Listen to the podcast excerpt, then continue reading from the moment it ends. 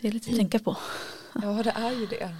Men det är tur att man har så kunnig eh, personal som kan hjälpa en. Och, Ja precis, medialäraren är ju Precis. guld värt verkligen när vi håller på med detta. kompetensen. Ja, Ja just det, du nämnde hjärtan ja, på Ja. din bok. Jo det passar ju för det är snart. Och för mig, alla hjärtans dag handlar ju om hjärtan även om det är ett halvt hjärta. Eh, som är en av böckerna som jag har med mig idag. Ja precis, så det passar ju bra. Nu är det ju snart dags för den Alla tiden. Valentines. Mm, precis. Precis, Ja, min, min bok idag är kanske inte riktigt på det temat. Men det är bra att vi har lite blandning helt enkelt. Så är det ju. Absolut. Precis, och det här blir första avsnittet för året faktiskt. För vi har varit lite sena på bollen här nu och spela in.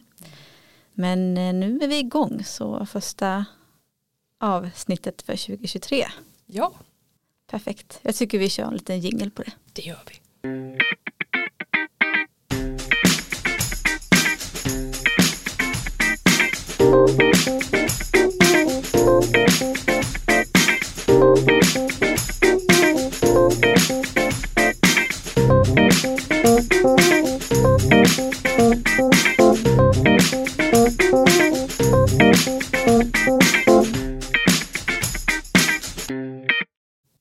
Ja, vill du börja Isabel? Vad har du för något på hjärtat så att Då har säga? jag på hjärtat ett halvt hjärta av Emma Johansson och jag kollade upp lite för den här författaren och eh, det är faktiskt en småländsk ungdomsförfattare.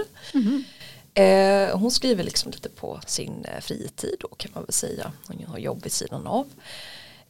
Och grejen med hennes böcker är väl kanske att de utspelar sig i samma universum som alla hennes berättelser då ut, utspelar sig i samma liksom. Så tydligen så ska det finnas, jag har ju bara läst en av hennes böcker men tydligen så kan man hitta flera karaktärer i flera böcker då. Ja, just det, så det, men det är inget annat universum. Nej nej nej, nej, Nej, det, är det är inte. Det, är, det är det här universumet. Precis. Ja, det är ja. Men i alla fall, eh, jag har ju läst Ett halvt hjärta. Eh, det är en berättelse om Elias och eh, hur han en sommar eh, eh, han är en vanlig kille och eh, han, eh, han tycker om att spela väldigt mycket datorspel.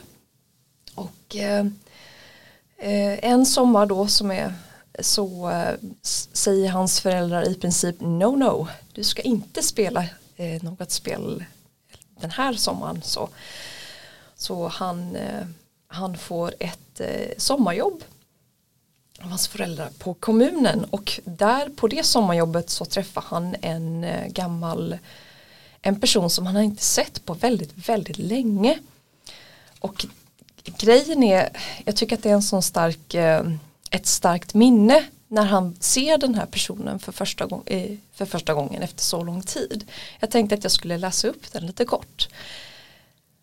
Och då, då är, lider minnet så här att jag står inte längre utanför kommunhuset. Istället är jag tio år och sitter på den stora stenen i lekparken.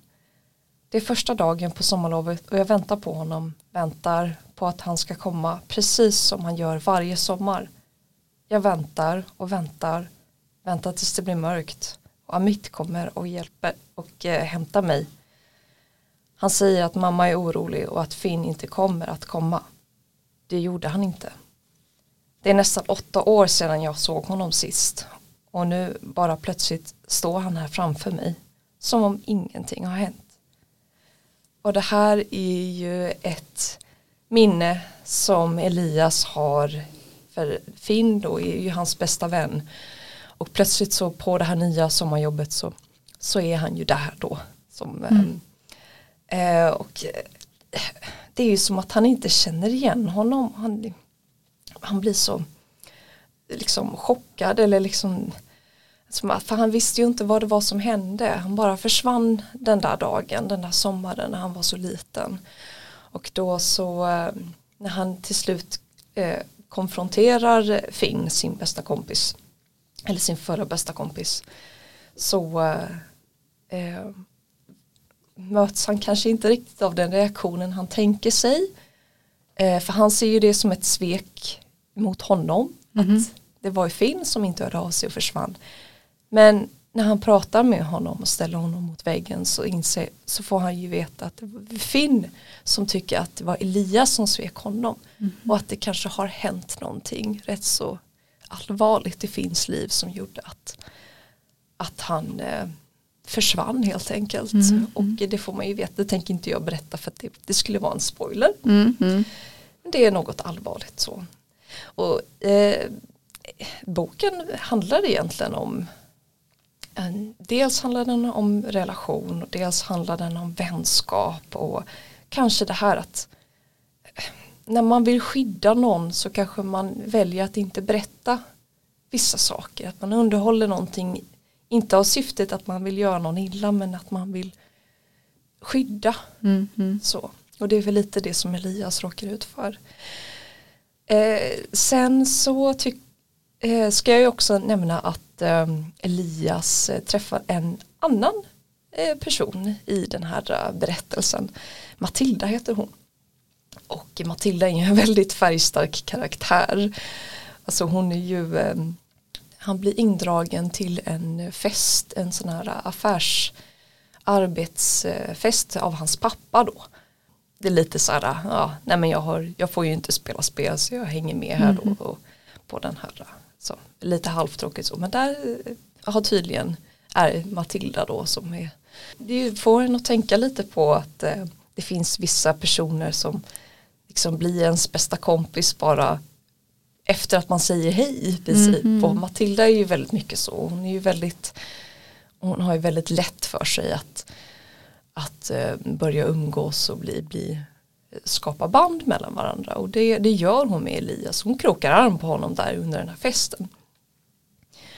Och eh, hon resonerar lite det att hennes kompisar är bortresta den här sommaren och hon har ingen umgås med. Så det är Elias som hon ska umgås med. Så, och det är verkligen så här att ja, men hon kommer nästa, nästa dag och knackar på och, som om de vore bästa kompisar i princip. Och det Mm. reagerar ju Elias rätt så hårt, eller liksom så här att han tycker att det är lite märkligt att man så, ehm, bara dyker in i någons liv på det sättet. Så. Eh, vad som är lite roligt att eh, Matilda är ju också en sån person som eh, eh, han inte har pratat med sedan mellanstadiet. Mhm, de känner också varandra sedan tidigare Mm. liksom. Eller, ja. Precis, så eh, det, det blir som en oväntad vänskap och hon är ju hon är med i ett teatersällskap eh, och just den här sommaren så håller de ju på att göra en eh, eh, moderniserad version av Romeo och Julia då, den här Mm. jätteklassiska eh, teatern av Shakespeare. Eh, och hon aspirerande skådespelare är ju så självsäker på att hon ska få huvudrollen då som, eller en av huvudrollerna som Julia. Eh, och hon drar ju med sig Elias lite i det här då. Eh, på olika, så jag ska ju inte avslöja för mycket och så. Men den, det är en väldigt varm och mysig berättelse om familj, relation och vänskap.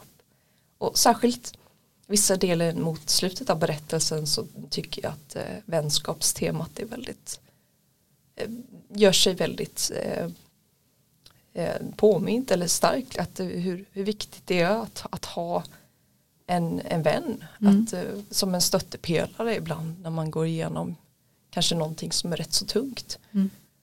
Så. Och särskilt då när man är ung. Mm.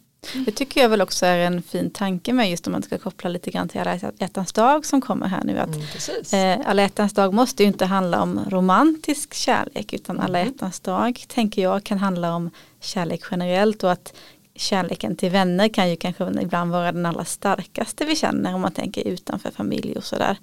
Att eh, vänner kan ju verkligen följa en genom hela livet men romantiska kärlekar kan ju komma och gå. Mm, just det. Det är faktiskt bra att du påpekar det. Att det är oftast man kanske in, inte liksom, man missar det lite Mm. på något sätt. Att det är också en, en, kärlek man kan känna Ja, för sina den får ibland lite kompisar. sekundär, lite sekundär roll i populärkultur och annat men eh, det kanske är eh, borde sjunga vänskapens lov lite oftare tror jag. Ja, precis. Så det är väl en liten uppmaning till alla er där ute tycker jag att eh, när det är alla hjärtans dag så se till att uppmärksamma era vänner som ni har. Det tycker jag låter som en bra idé. Mm. Vilken bok är det du har med dig Hanna? Jag har med mig en uppföljare eh, till en bok som vi faktiskt pratade om förra året och det borde väl ha varit eh, ja, jag kommer inte ihåg, jag kollade vilket avsnitt det var förra året 2022 och det var kanske avsnitt sju eller något sånt där. Eh, men däromkring. Och då, den som jag pratade om då, det var då den här första boken i den här serien. Och den heter Felet med Eden. Och den här uppföljaren som nu har kommit då heter Fallet från Eden.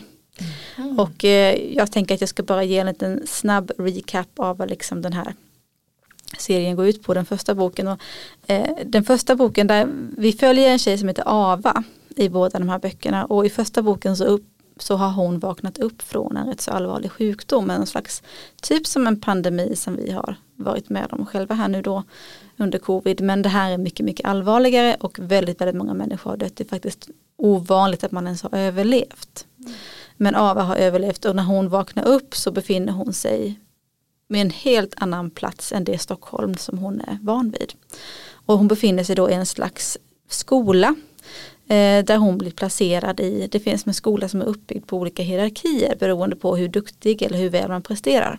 Så hon, när hon då släpps ut i den här skolan, hon får lämna sitt sjukhus, sin sjukhussäng och sådär, så hamnar hon på den allra översta eh, hierarkin. Och hela det här samhället då, där den här byggnaden kallas för Eden, och alla de här hierarkierna har också någon slags bibliskt namn. Så det översta hierarkin där hon hamnar heter Sinai. Eh, och hon förstår inte riktigt varför hon hamnar där. För hon är inte liksom den som är toppresterande. Hon klarar sig rätt bra mm. i skola och sådär. Men hon är liksom inte någon som är topp topp. Mm. Så hon undrar lite grann varför hon hamnar i den allra högsta utan liksom ens behöva göra en slags inträdesprov eller någonting. Ja, och sen måste hon navigera sig i det här extremt hårda klimatet som det här Eden är byggt på. Mm. Där man inte ska bry sig om någon, man ska bara sköta sitt eget och fokusera på sina egna prestationer. Och de andra klasskamraterna här, om man ska säga då, de är otroligt kalla mot henne och eh, nästan saboterar för henne att, att, att hon ska misslyckas. Och, eh, så det är liksom en väldigt kall verklighet hon vaknar upp till. Och hon söker då efter sin bästa kompis Ellen som hon misstänker också måste befinna sig någonstans här. Hon får liksom reda på att Ellen också klarade sig men hon vet inte var hon är. Och hon har ju förlorat sin familj, sin mamma och sin lillebror så den här kompisen blir liksom en, en livboj som hon försöker hålla sig fast vid och hon är desperat i sin jakt efter att hitta henne. Vi återgår till vänskapstemat. Ja det är faktiskt så att vänskapstemat fortsätter lite grann här ändå.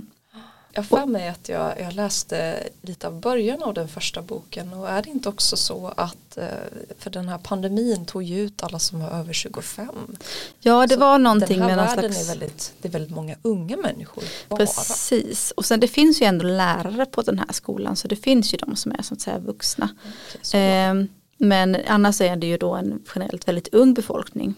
Eh, och man säger inte heller särskilt mycket om vad som har hänt med så att säga, det riktiga Sverige eller den riktiga världen utan de rör sig bara inom den här väldigt speciella byggnaden med extremt många våningar som, ja, som är högst upp är det som en slags kupol kan man säga så man har nästan en utomhuskänsla och det är där då som hon hamnar. Eh, och man kan väl säga då att i den första boken så där saker avslöjas pö om pö som gör att hon förstår att allting är inte vad det ser ut att vara. Och den slutar verkligen den boken som en cliffhanger. Alltså här, det är jättespännande. Och det är ju då hela tiden tanken att det skulle komma en bok två och nu har den kommit. Mm. Och jag har då grävt ner mig lite grann i den och jag tycker verkligen, jag tyckte den första boken var riktigt bra. Alltså jag tyckte den var spännande, en bra ungdomsbok. Um, och det tycker jag går igen i den här. Det börjar rätt så direkt, man kommer direkt in i handlingen och det händer saker direkt, det blir direkt rätt så spännande. Um, och det finns också det här, ett, vad ska man säga, Ava hon är rätt så Liksom, hon är rätt så ändå smart och duktig men hon är också mänsklig. Alltså hon, man är inte, hon känns inte som en superhjälte som klarar av allting. Utan man, jag tycker man kan känna igen sig i att ja, men jag tycker hon är lite smartare, hon har mer erfarenhet i den här boken. Nu mm. vet hon mer vad saker och ting handlar om. Man har fått fler svar liksom, på frågor som man hade. Mm. Eh, det har man fått mer svar på, men också nya frågor. Eh, så att, ja, jag tycker verkligen, har man läst den första, och jag tror att man behöver läsa den första, det är inte en sån här fristående fortsättning, utan man behöver ha läst den första. Då tycker jag definitivt, jag tror inte man blir besviken av att läsa fortsättningen, för jag tror att samma tempo, samma spänning och samma koncept bygger vidare i den här. Och det man kan säga om den här bok nummer två är väl kanske att Ava har fått mycket mer svar på hur hon hamnade här. Ehm, och eh, ja, mer, eh, hon har fått också en hel del svar om Ellen. Eh, men det Som slut, hennes vän. som var hennes vän, precis. Eh, men det slutar ju inte där utan hon har ju byggt nya vänskaper i det här Sinai. Och nu är det kanske främst de vännerna som hon är, har så att säga delats från. Eh, hon har, de har kommit ifrån varandra. Eh, och framförallt två där då som varav en hon började nästan få en slags romantisk relation till. Och nu så känner hon att nu är hon på en annan plats i Eden och hon måste hitta tillbaka till de här vännerna som hon misstänker far illa någonstans. Eh, och det är det som är hennes syfte här nu direkt från sida ett så försöker hon eh, liksom lite grann gå under radarn på de här olika lärarna och de här vuxna Mm. och ha hela tiden en agenda att hon ska hitta tillbaka till de här två vännerna som hon skapade band med i första boken. Ehm, och det är verkligen hela den här strukturen eller det här konceptet som författaren har byggt upp. Det är rätt så, känns rätt så genomtänkt. Ja, en väldigt eh, dystopisk eh, Ja den är ju väldigt dystopisk men jag tycker att det är inte alla dystopier som riktigt håller om man säger så i själva i själva konceptet eller liksom i så. Men det tycker jag faktiskt att den här gör. Jag tycker att eh, hon får ihop det rätt så snyggt. Sen ska det ju vara frågetecken och saker man inte har pejl på direkt. För det hör ju liksom till. Det är det som är en del av boken. Det är därför man vill bläddra vidare. Ja, det är det som gör att man vill läsa vidare. Och det är väl det som möjligen kan vara lite svårt för en del kanske att, att man inte har, man har liksom inte alla kort på borden i någon av böckerna. Och det är ju en, som du säger en del av skärmen och en del av anledningen till att man vill läsa vidare. Mm, så. Så det är nästan en förutsättning tror jag för böckerna att man ska inte ha pejl. Och så kan jag ju säga att den här, om man tänker att man inte vill ja, man kan ju bli lite frustrerad om man slutar läsa en bok och så slutar den i mitt i någonting väldigt spännande. Och det gör faktiskt bok nummer två också. Men det är ju också bra för att man blir sugen på att läsa bok nummer tre som vi hoppas kommer om inte allt för lång tid. Precis. Så har man inte läst bok ett så skulle jag verkligen rekommendera den. Eh, inte svårläst, den väldigt, jag tror att vem som helst ungdom kan läsa de här utan några större svårigheter. Eh, och eh, sen kan man ju då direkt gå över till bok två eftersom man vill läsa vidare tycker jag då. Och sen Precis. hoppas vi att vid det laget kanske det har kommit en bok tre sen. Precis, så om man inte läst första och andra då har man ju lite tid och Mm. att, eh, om man nu skulle fastna för första. Eller hur? eh, Den tredje är på väg. Precis. Mm. Jag skulle väl säga att eh, nivån, läsnivån är väl ungefär samma på, även på min bok. Mm. Det kanske jag glömde eh, säga. Bara att det är väldigt rakt och enkelt och språk. Eh, Mm. Inte så långa, väldigt korta kapitel tycker Ja. jag. Så då, är det, då blir man ju alltid lite så här, ah, ett kapitel till. Precis, och det är lite samma den här också, rätt så korta kapitel, man kan läsa ett till och sådär. Eh, så det, ja, det är en fördel tycker jag också med många ungdomsböcker, att de, är, eh, att de har rätt så korta kapitel. Ja men vilka bra Ja. ungdomsbokstips vi hade idag. Det hade vi. Hoppas att, att det kan landa väl där ute, att ni blir lite sugna på att läsa någon av de här. Eh, och eh, sen kan vi väl också nämna det att det är ju fritt att vara själv med i podden om man vill. Är man till exempel Precis. elev på skolan eller personal på skolan så kan man komma i, med i podden och gästa. Det är bara att eh, höra av sig till mig och Hanna. Precis, hoppas vi på att ni vill göra. Mm. Men tills nästa gång så ja, ha det så bra Ha det så bra. och läs på. Läs.